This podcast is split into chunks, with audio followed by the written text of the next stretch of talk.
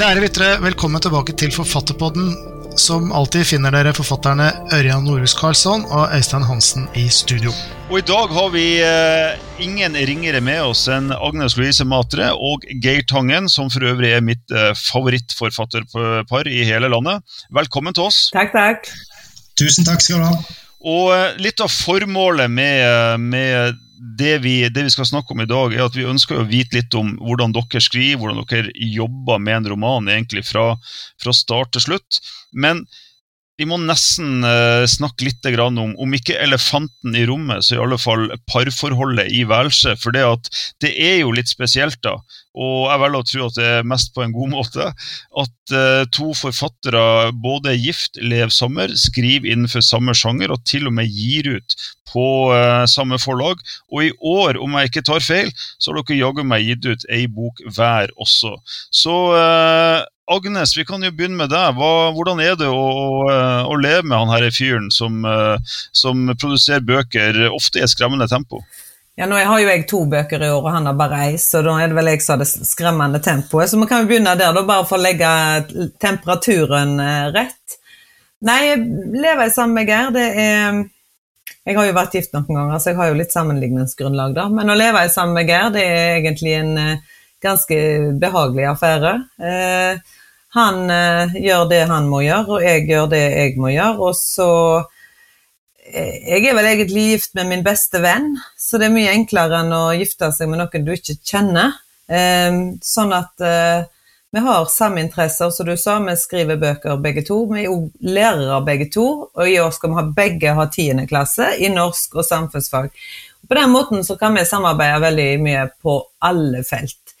Så Geir han er sånn at uh, jeg tror de fleste damer eh, ville vært litt misunnelige når de ser hvordan han bare tar tak i ting som gjøres rundt uh, i huset, fordi at han vet at da er jeg kanskje opptatt uh, med, med, min skriving, og vice versa. I går, Et godt eksempel var at i går så drev jeg og rydda for klar for et nytt skoleår. Da skulle kontoret ryddes, og så skulle han pakke alle bøkene mine som Jeg lanserer jo en ny bok i morgen som skal ut, og da bare kaster jeg meg over pakkene og hjelper han, og, sånn at vi får det i havn. Og da sier han til meg vi er et godt team Agnes. Geir, uh, gi oss uh, Jeg holdt på å si gi oss din versjon. er jo ganske samsvarende, det er vel derfor vi holder i lag, for å si det sånn. Vi er, som Magne sier, gift med vår beste venn. Men, uh, men ikke bare det. altså Det å være gift med noen som driver på med det samme som deg, gjør jo òg at du får en helt spesiell forståelse for det den andre holder på med. Uh, og i tillegg til det, når du møter veggen, når du møter vanskeligheter, når du får problemer, når du har frustrasjoner, så har du noen å lene deg på, noen å altså, lufte tankene med. Så, så, når jeg står fast på mine bøker, da vet jeg hvem jeg skal henvende meg til. Da er det til, til Agnes, og så hjelper hun meg videre. Og, og det samme andre veien går jeg, går jeg ut ifra, iallfall. Dette er jo første gangen vi har eh, såpass mye samlivsinformasjon i denne forfatterpodden, men det er, veldig, det er absolutt interessant, det. Men jeg tenker, dere står jo nå overfor to poddere her da, som også driver og fusker i samme sjanger som dere. Og det er et helt åpenbart spørsmål som må besvares, for dere har jo samme bakgrunn, dere skriver i samme sjanger, dere har samme jobber. Hvordan kan vi stole på at dere begge er forfattere? Ja, vet du hva, det, det, det kan jeg gjerne svare på, for det, er jo, det er jo et spørsmål aldri jeg har fått, men jeg har faktisk fått det av og til. Eh, eller når vi har vært ute på byen sammen, eller noe sånt, så har vi truffet på folk, så, sier, så går de rett bort til Geir og sier 'Guri, du er jo forfatter, du'. Og så snur de seg til meg og sa 'Ja, du skriver du òg'. Og så spør de han 'Har du hjulpet han litt, eller?' Så vi er ikke lenger kommet til det. Men uh, jeg tror de som kjenner meg godt, og kjenner Geir godt, og kjenner vår bakgrunn og vår forhistorie lenge før vi slo hverandres pjolter sammen, vet at vi skriver begge to.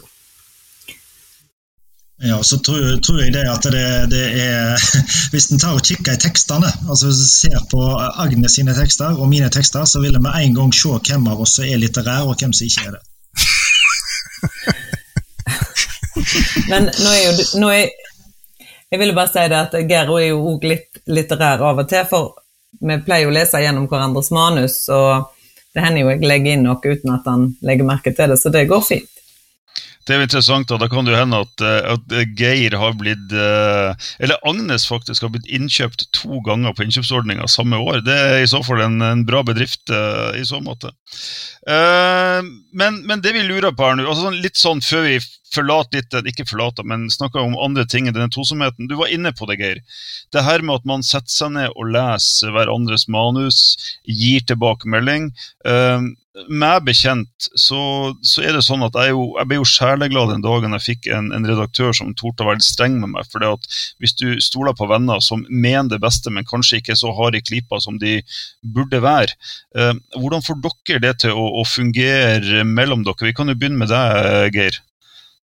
Jo, eh, det, det, har gått seg til. Eh, det var jo en prosess eh, der i, fall, i starten så var det jo bare Agnes som skrev, eller iallfall fikk gitt ut noe.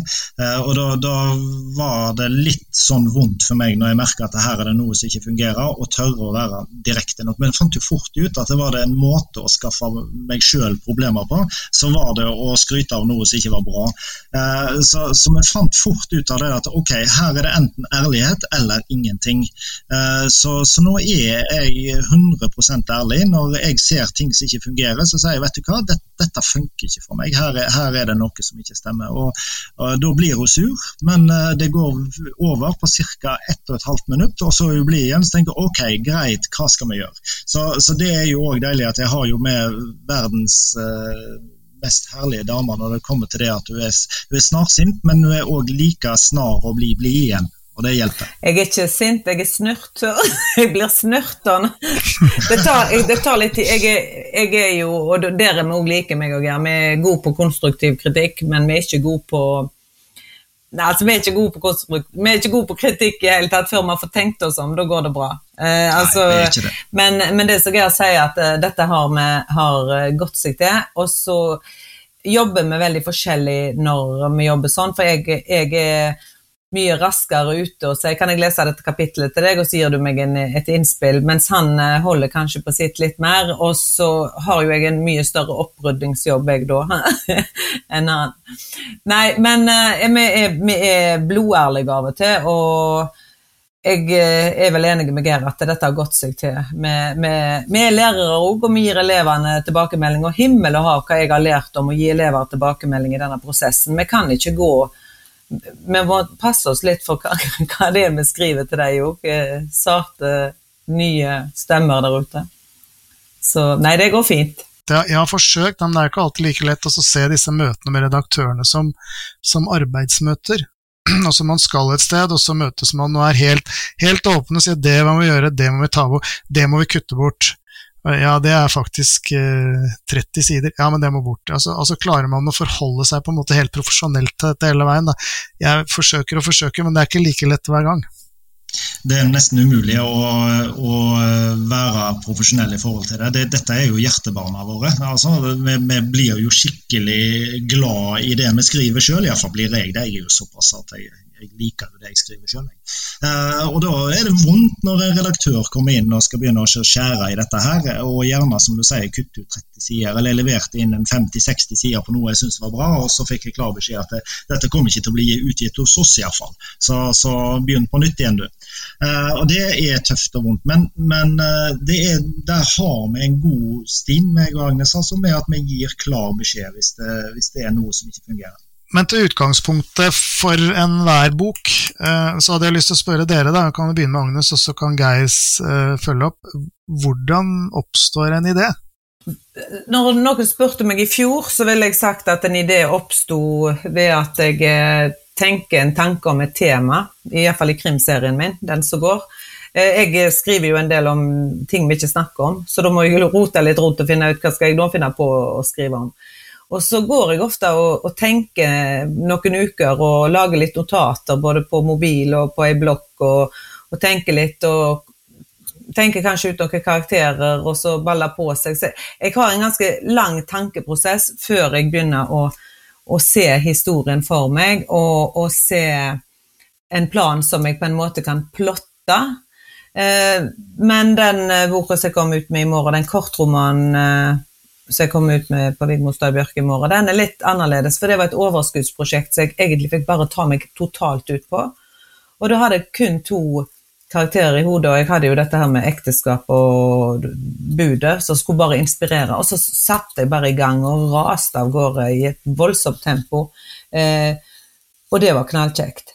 Men når jeg skal skrive politikrim, så blir det noe helt annerledes, For eh, jeg må planlegge etterforskningen, trådene må henge sammen og, og sånn. Så eh, jeg eh, kunne jo sikkert uh, skrevet vanlige skjønnlitterære bøker, for jeg syns jo ofte etterforskningsgreien blir litt sånn forstyrrende òg, samtidig som jeg syns det er gøy.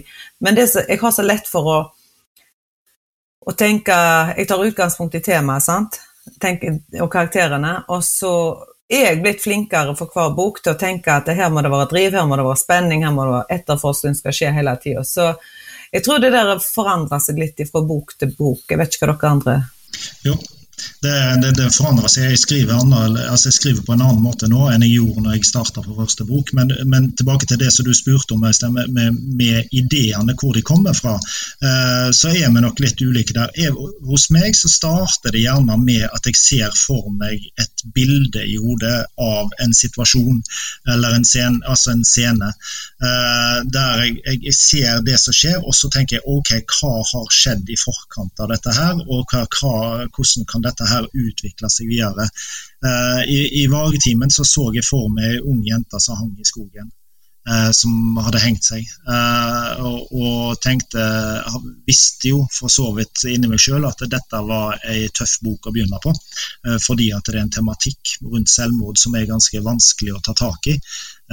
og en må trå varsomt. Men allikevel, det bildet det festa seg altså, det festa seg til den netthinna mi. Jeg klarte ikke å bli kvitt det. Jeg tenkte ok, nå, nå, må jeg bare skrive dette her ut. Den neste boka som jeg har begynt å skrive på nå, så, så, så fikk jeg et bilde av en, en ung eh, en, en, gutt i åtte-ni år gammel som ligger nederst i en skråning med, i bare pysjen, som blir funnet på morgenen. Uh, og det det satt fast såpass lenge at jeg tenkte eh, nei, jeg må bare skrive den historien. Og så har jeg begynt å utvikle den derifra. Uh, men så ender det jo opp i av og til at en sier at nei, her, dette fører jo ingen vei. Så her må jeg bare finne meg et nytt bilde og begynne på nytt igjen. Men vi er nok begge, både meg og Agnes, ganske flinke til å planlegge når vi først har fått ideen. Da er vi ganske strukturerte på å planlegge resten av teksten. Jeg eh, skal prøve på en liten observasjon, så får dere gjerne skyte ned hvis, hvis dette blir feil. Men uh, det slår meg i alle fall at uh, dine tre første bøker, Geir, var sånn klassisk krim, tidvis krim noir, fandenivoldsk krim. mens Agnes har vært godt inn for det jeg vil kalle for realistisk, eller realismekrim. mer tilbake til den, den, den, rota som er på det samfunnskritiske. Og så merker jeg meg med Vargtimen at, at, du tok opp et fenomen som, eh, som godt kunne blitt plassert innenfor Agnes' univers, og Agnes kom jo fra dette med, med forbudt kjærlighet i, i små, uh, små, samfunn. Er det, er det, bevisst at dere har nærma dere hverandre, eller tror dere at det er tilfeldig? Vi kan jo, uh, vi kan jo spørre deg først, Agnes. Eh, Geir må jo svare på om han har nærma seg meg, men han har nok eh, sikkert skifta en retning. Det var jo en litt sånn stunt, de tre første bøkene. men jeg kommer nok aldri til å nærme meg eh, han eh, i den triologien. Det er ikke, det er ikke der jeg vil. Og eh, i Iskald så prøvde meg kanskje på litt mer action og litt mer tempo og litt mer hele Hardangerfjorden og Norseman og, og litt sånn halv, halvmilitære operasjoner, om det ikke var det. Så jeg, jeg kjente vel sjøl at jeg, jeg, ikke helt trives i det. Jeg trives nok med, med det seige. Eh, av og til kunne jeg jo tenkt meg å være enda seigere, men det vil ikke redaktøren min, så det er helt fint. Men jeg, jeg, eh, jeg har behov for å hvile litt i karakterene når jeg skal skrive om så alvorlige tema. Samtidig så Så det, det er en sånn øvelse å klare det. Ja, eh, og, når det gjelder meg, så, var det jo helt riktig observert. Ørjan. Altså, de tre første er en, det er en homasj til, til, norsk og nordisk krim gjennom eh, de siste 20 årene. Jeg har jo tatt i bruk absolutt alle klisjeer som går an å komme opp med innenfor eh, krimsjangeren i de tre bøkene. Så har jeg putta dem oppi ei svær gryte, eh, og så har jeg prøvd å lage styrkedråper ut av dem. Og, og gjøre noe nytt, noe annerledes ut av det kan du si, den suppa med alle disse her gode, gamle krimklisjeene. Det, det var en, en, bevisst tanke fra min side, men det var jo aldri bevisst at det skulle være tre bøker. Det skulle jo bare bli ei bok. Um, så har du agenter som plutselig selger tre bøker til utlandet, og da står du der, da, og så må du fullføre det. så, så, men det var gøy. Jeg var, var en kjempeartig periode å skrive de tre bøkene. Men jeg var veldig glad når jeg var ferdig med det. Jeg tenkte ok, nå kan jeg finne min egen forfatterstemme sånn som jeg har lyst til å skrive om. Og, og da var det naturlig for meg som er, er sosialt engasjert uh, og lærer og, og disse tingene, å ta tak i noe litt mer seriøst og alvorlig og, og ha det som et bakteppe. Og dette med ungdom og selvmord har engasjert meg i, i 20 år. Vi har ideen uh, og vet at det skal bli en bok. Um, så er et spørsmål som på en måte går veldig, helt, veldig konkret på arbeidsmetodikk. Um, vi kan ta dere i samme rekkefølge, Agnes først og så Geir. Uh, er det slik at dere strukturerer historien ganske detaljert før dere begynner å skrive, eller er det en symbiose, eller skriver dere helt fritt? Nei, som jeg sa tidligere, vi gjør jo ikke ting likt, eh, men, eh, men jeg var nok mye mer altså Pga. at jeg skriver en politiroman med etterforskning, så må jeg ha en plotting. Så jeg bruker et Excel-ark eller et Word-ark med en tabell. Eh, der jeg, når jeg har egentlig hele historien i hodet, så har jeg helt konkrete eh, antall scener der jeg skriver ned før det skal skje et eller annet. Sant? Og jeg er veldig systematisk på akkurat det, men jeg hater jo den der plottingen. Eh, men Geir elsker jo sånn dildalarbeid. Så det som jeg pleier å gjøre når det gjelder mine romaner, er at jeg forteller, vi sitter og snakker sammen, og så forteller jeg hvordan jeg vil ha det, så skriver han stikkord, og så skriver han det inn i et, en tabell til meg etterpå, og så får jeg han, og så skriver jeg romanen min. Um, så bortsett fra den siste, så bare gikk uh, så er kula samtidig som jeg, jeg, kanskje må legge det inn i et, et tabell til slutt for å se at Det som er fint med å gjøre det sånn, er det at når du skal redigere, så kan du ta vekk hele kolonner, sant? Eh, hvis du skal ta et kapittel, og så, tenk, og så, klarer du å se helheten. Men det er jo sånn med alle årsplaner som vi lærere driver mye med. Det er jo bare en plan til å sette i gang noen retningslinjer om å forholde meg til. Eh, så eh, vil det jo endre seg underveis, for vi er jo forfattere. Vi, eller vi skriver jo ikke saklitteratur, så vi, fantasien tar jo kan jo ta helt av, og da er det veldig godt å ha en sånn plan å svinge innom. Så sånn gjør jeg det. Jeg eh, hadde jo som utgangspunkt når jeg skrev den første boka mi, så brukte jo jeg eh, faglitteratur for å lære meg å skrive bøker. Altså Jeg brukte The Marshall Plan of Novel Writing så, som en, en base for, for, hvordan bygger du opp en roman fra A til Å. Eh, hvor skal de ulike spenningstoppene ligge, hvor mange scener skal det være i det. Hvor, altså, hvordan lager du konflikter mellom karakterer. Disse tingene sto det veldig godt om i The Marshall Plan of Novel Writing, så jeg vet at Tom Christensen også brukte når han skulle skrive sine to første bøker. Hele en kule er en eh, oppskrift på The Marshall Plan of Novel Writing. Uh, så, så, det brukte jeg når jeg skrev 'Maestro', og, og jeg fulgte jo opp med 'Hjerteknuser og dødmannstango' med ganske detaljerte scene for scene for scene for scene planlagt sånn at jeg visste akkurat hva som skulle skje før jeg begynte å skrive det. Eh, men med vargtimen så begynte det å flyte ut, og nå merker jeg det flyter enda litt mer ut at jeg, jeg kan faget. Jeg slipper det å planlegge så nøye lenger, fordi at nå, nå, ligger det mer intuitivt i meg at ok, nå skal det opp på en spenningstopp der, og så skal det det og det skje. Ja, jeg, jeg, det som jeg ser at jeg sa det vel til Geir når vi var i Spania og satt og skrev og jeg skulle planlegge litt og plotte litt, så ser jeg at nå kan jeg nesten ta en Tom Egeland, for han har fortalt meg at han har ei tidslinje, så setter han opp disse punktene, kjenner historien sin og skriver. Sånn cirka, mener jeg han sa. Og det tror jeg hadde Jeg tror kanskje det er sånn jeg, jeg gjør det til slutt. Nå er jeg jo fremdeles i planleggingsfasen på denne. For det at det viktigste å få inn disse plassene og tvistene og, og, og hva kan ha skjedd, og alle de mistenkte og sånn. At en har det på plass.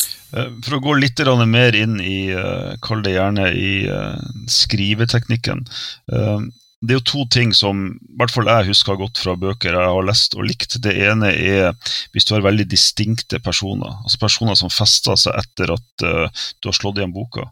Det andre kan være at personene kan tenkes at de er litt mer lik andre karakterer du har møtt, men du har noen fantastiske miljøbeskrivelser som gjør at du så å si kjenner at du er til stede.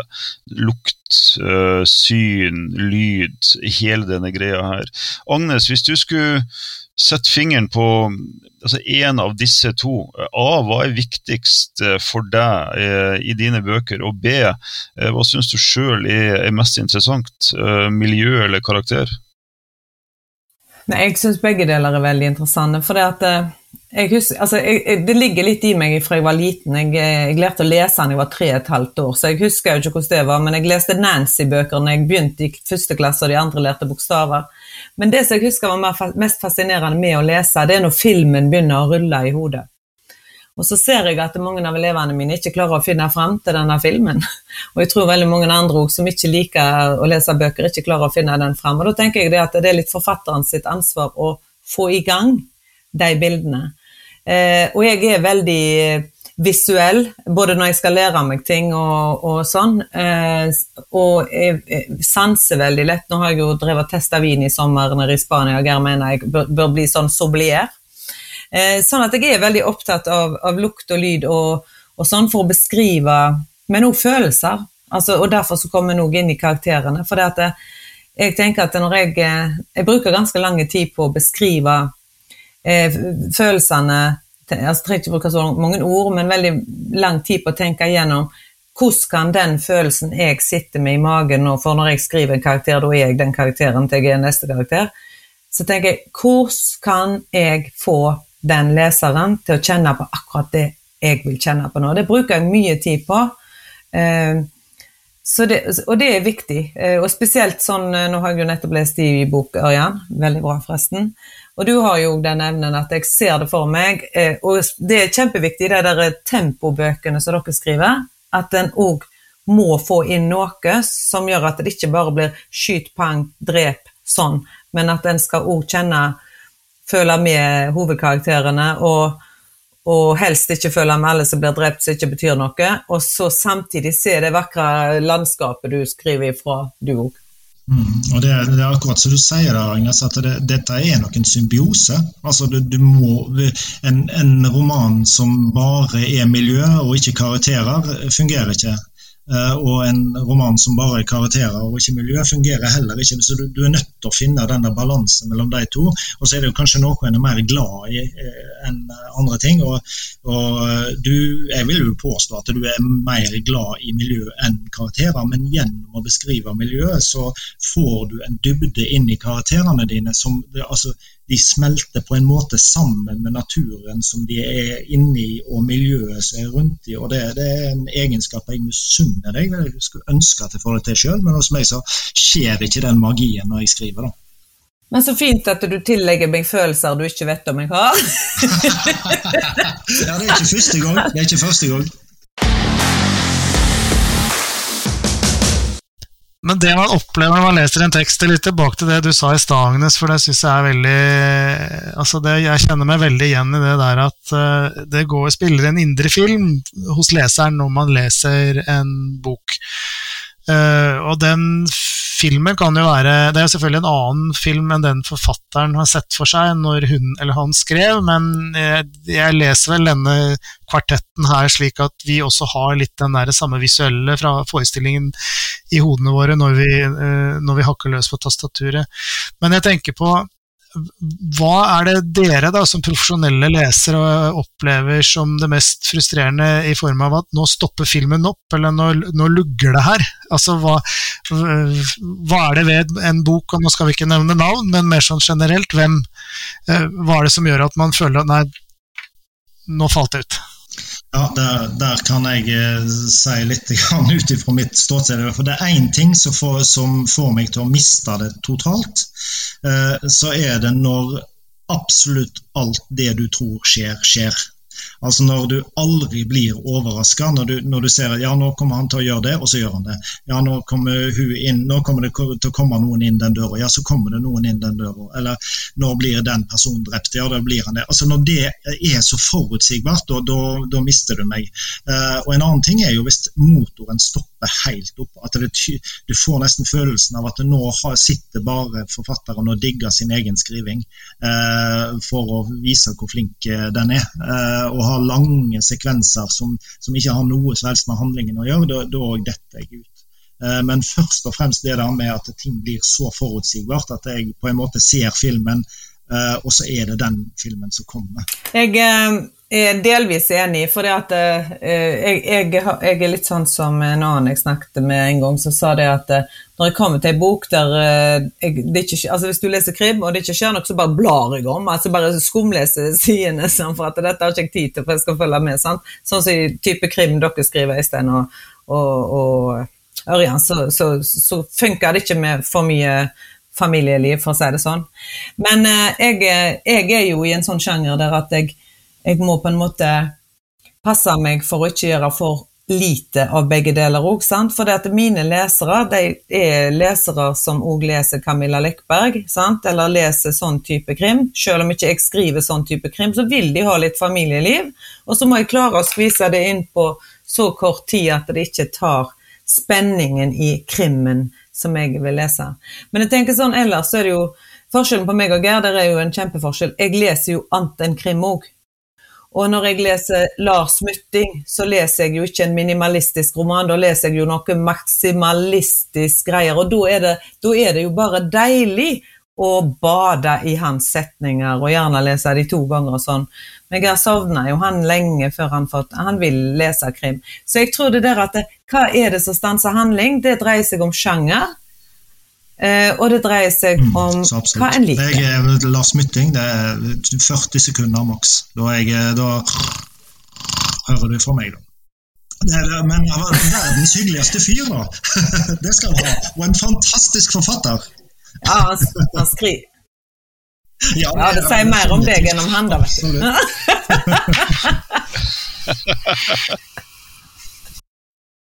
uh, Vi har, eh, vi har, jo også noen av våre lyttere er jo folk som, eh, som, gjerne vil bli forfattere, som har ambisjoner om å skrive, og som skriver. Eh, og som kanskje opplever det som jeg tror så å si alle oss som, nå gir ut på forlag eller er vellykka indieforfattere, at det er ganske mye motstand til å begynne med. Hvis, hvis dere skulle få gi dem et par-tre råd hver av dere på på hvordan de eh, skal holde måte oppe og fortsette. Eh, eh, hvis vi kan begynne med deg, Agnes, hva, hva, vil være ditt råd? Rådet mitt er det samme som jeg gir til elevene mine hvis de har et mål i livet. Det som jeg pleier å si til dem, er det at du når Alle mål kan nås, så lenge du ikke har spesielle avvik i evner eller noe sånt. Men alle mål du har ønsket deg, kan du nå. Men, noe, men de aller fleste drømmer de krever enormt mye energi, enormt mye innsats og enormt mye viljestyrke. Og det er akkurat liksom om en sier at eh, hvis en ønsker en sekser i norsk, ja vel, så første budet er at iallfall en begynner å følge med i timen, og så at en gjør leksa si, eller gjør, begynner å skrive de tekstene sant? Og, og holde de foredragene en skal ha. Og så må en òg søke veiledning. Veiledning. Finne andre som gjør det samme. Eh, vil du bli krimforfatter, så jeg har jo med i Norge verdens hyggeligste krimforfattermiljø. Det er bare å ta kontakt tror jeg, med de aller fleste, så får du heiarop og, og Det er ikke dumt å melde seg på skrivekurs. Nå har jo vi, vi har jo norsklærerutdannelse i bånn og driver med skriveopplæring sjøl, så vi hadde kanskje ikke samme behovet for å melde oss på et skrivekurs på Aschehoug eller Cappelen eller Gyllendal eller hvem som har disse skrivekursene. Men eh, jeg har råda elever, jeg har hatt elever som har gått på skriveakademiet i Bø, jeg har hatt elever som har gått på der på Lillehammer, på den her, eh, hva det heter? Nansenskolen, ja. Altså, Hvis du virkelig vil, så må du se på det som et yrke og så sette i gang litt mer seriøst. Meg og Geir vi, bruker, vi går i full jobb som lærer. Vi bruker all vår fritid når vi ikke er med barnebarna, på å skrive. Mm, det, det, gjør vi. Og hvis jeg skal gi Jeg støtter meg fullt og helt til alt det Agnes sier, det, det er kjempeviktig. Du, du, må, også, du, du, er nødt til å være villig til å ta veiledning. I det øyeblikket du har skrevet disse her 300 sidene, at du faktisk har klart å jobbe deg gjennom 300 sider og sier jeg har skrevet en bok, så må du ikke tro at du har skrevet en bok. Det er der veldig mange nye forfattere gjør en feil. De tror at nå er denne her klar, trykket klar. Eh, nå trenger ikke jeg noe hjelp. Eller hvis jeg får en redaktør Jeg har jobba litt som redaktør for nye forfattere som ønsker å ha litt hjelp. Eh, og når de da ikke tar veiledning, sier de nei, men jeg vil ha det sånn. Jo, men jeg liker det sånn. Vil, altså, de gir seg ikke på at det som andre opplever som dårlig, det gir det seg ikke på. Det er, det er en måte å, å, drepe det på. Eh, så har du den andre typen. altså Vi har en, en forfatter nå som, som kommer ut eh, til, til, høsten, Jon Undsgaard, som jeg går ut fra flere av dere kjenner, som har gjort det stikk motsatte. Han begynte på denne boka tilbake i 2012. og han har skrevet, jeg, jeg, er sikker på at han har skrevet den boka 200 ganger. altså på Så mange runder han har vært, og, og har stadig søkt hjelp hos andre forfattere, hos gode lesere. og hva mer kan jeg gjøre med denne boka? Til slutt så kommer han ut, men en må ha tålmodigheten til å stå løpet hele veien. Eh, og det er sånn en faktisk får noe utgitt. Dere har jo helt sikkert begge to noen litterære forbilder, eh, helt uavhengig av sjanger eh, og nasjonalitet. Eh, kan vi få høre litt om dem? Det trenger jo ikke være en enormt lang liste, men noen tips? ja. Jeg skal begynne. Ja, ja, ja, du kan begynne du, Agnes. Nei, Hvis vi snakker litteratur, så tenker jeg jo litt sånn språklig, da. Så da må jeg jo si at da er det jo Lars Mytting. han, eh, skriver, han skriver intuitivt. Du merker at det kommer rett ifra sjela, og det er helt nydelig lesning. Eh, og så eh, har jeg òg eh, Herbjørg Wassmo og Karin Fossum. Det er absolutt mine litterære forbilder, uten at jeg på noen måte kan få lov å bruke alle ordene eh, Lars Mutting bruker. Ellers så har jeg eh, ingen spesielle forbilder innenfor krimmen. Jeg har dere alle. Jeg plukker litt og leser litt. Jeg leser deg, Eistein, jeg leser deg, Arian, jeg leser Jan Lier Horst, jeg leser Tom Egeland, og jeg leser Jo Nesbø og Kepler. Kepler leser jeg nesten ikke lenger, for det syns jeg er litt sånn grapse. Øystein Vik liker jeg, han leser jeg nå. Masse gøy å hente og stjele og få ideer fra. Ja, eh, du sa at Uavhengig av sjanger, sa du Øystein. Det går jeg ikke med på. Det, altså, hvis jeg skal finne noen eh, litterære forbilder, så er det krim. det er sånn det blir. Eh, men altså, jeg har lyst til å trekke fram et par stykker, jeg òg. Jeg, jeg, jeg, vokste jo opp med Bagley og McLean og hele den pakken der. Men det, altså, det, jeg har jo lest i ettertid og ser at det var kanskje ikke fullt så genialt som det opplevdes når jeg, når jeg var 19. Men, men har altså, en forfatter som Dean Coons, eksempel, som har denne her mystikken og det der du, du, sitter helt ytterst på kanten av stolen, og du er altså nesten livredd mens du leser. Det å klare å skape den spenningen, det, det, han er et forbilde for meg når det kommer til spenning. Så må jeg faktisk nevne Jo Nesbø. Jeg vet at det, det det er litt sånn klisjé å si det, men jeg, vil gjerne forklare hvorfor jeg har Jo Nesbø som et forbilde. Og Det er det at det han gjorde i sitt forfatterskap, jeg tror det var i bok nummer tre, når han da eh, introduserer verdens fineste, flotteste, nydeligste karakter, og så går det 20 sider, og så bang, så tar han livet av henne. Eh, det var et sjokk for meg. Og så skjer det samme igjen i bok nummer seks, 'Frelseren', der en av de viktigste, sterkeste karakterene blir tatt livet av. Uh, og da skjønte jeg at ok, jeg kan ikke stole på Jo Nesbø. Vi kan faktisk ikke stole på at helten overlever, eller om Harry Hole overlever, så i alle fall ikke alle de andre heltene. Og Det tror jeg har skapt Jo Nesbø som forfatter, er akkurat den der uforutsigbarheten. Du aner ikke, selv om det, alt virker som om det kommer til å gå akkurat sånn, så aner du egentlig ikke om dette her kommer til å gå bra. Og Det gjør at du hele tida er redd mens du leser Nesbø. Og så skriver han godt òg, ja, det gjør han òg. Hvis du virkelig går inn og ser på de litterære partiene hans, les begynnelsen på Marekors, så skjønner ja. dere hva litterær forfatter Jo Nesbø er. Eller Lyttebørskafé. Agnes og Geir, tusen takk for at dere stilte opp i Forfatterpodden og delte Eh, hva skal jeg si for noe? kunnskap og eh, gode innspill fra eh, deres egen skrivetilværelse. Det setter vi umåtelig pris på.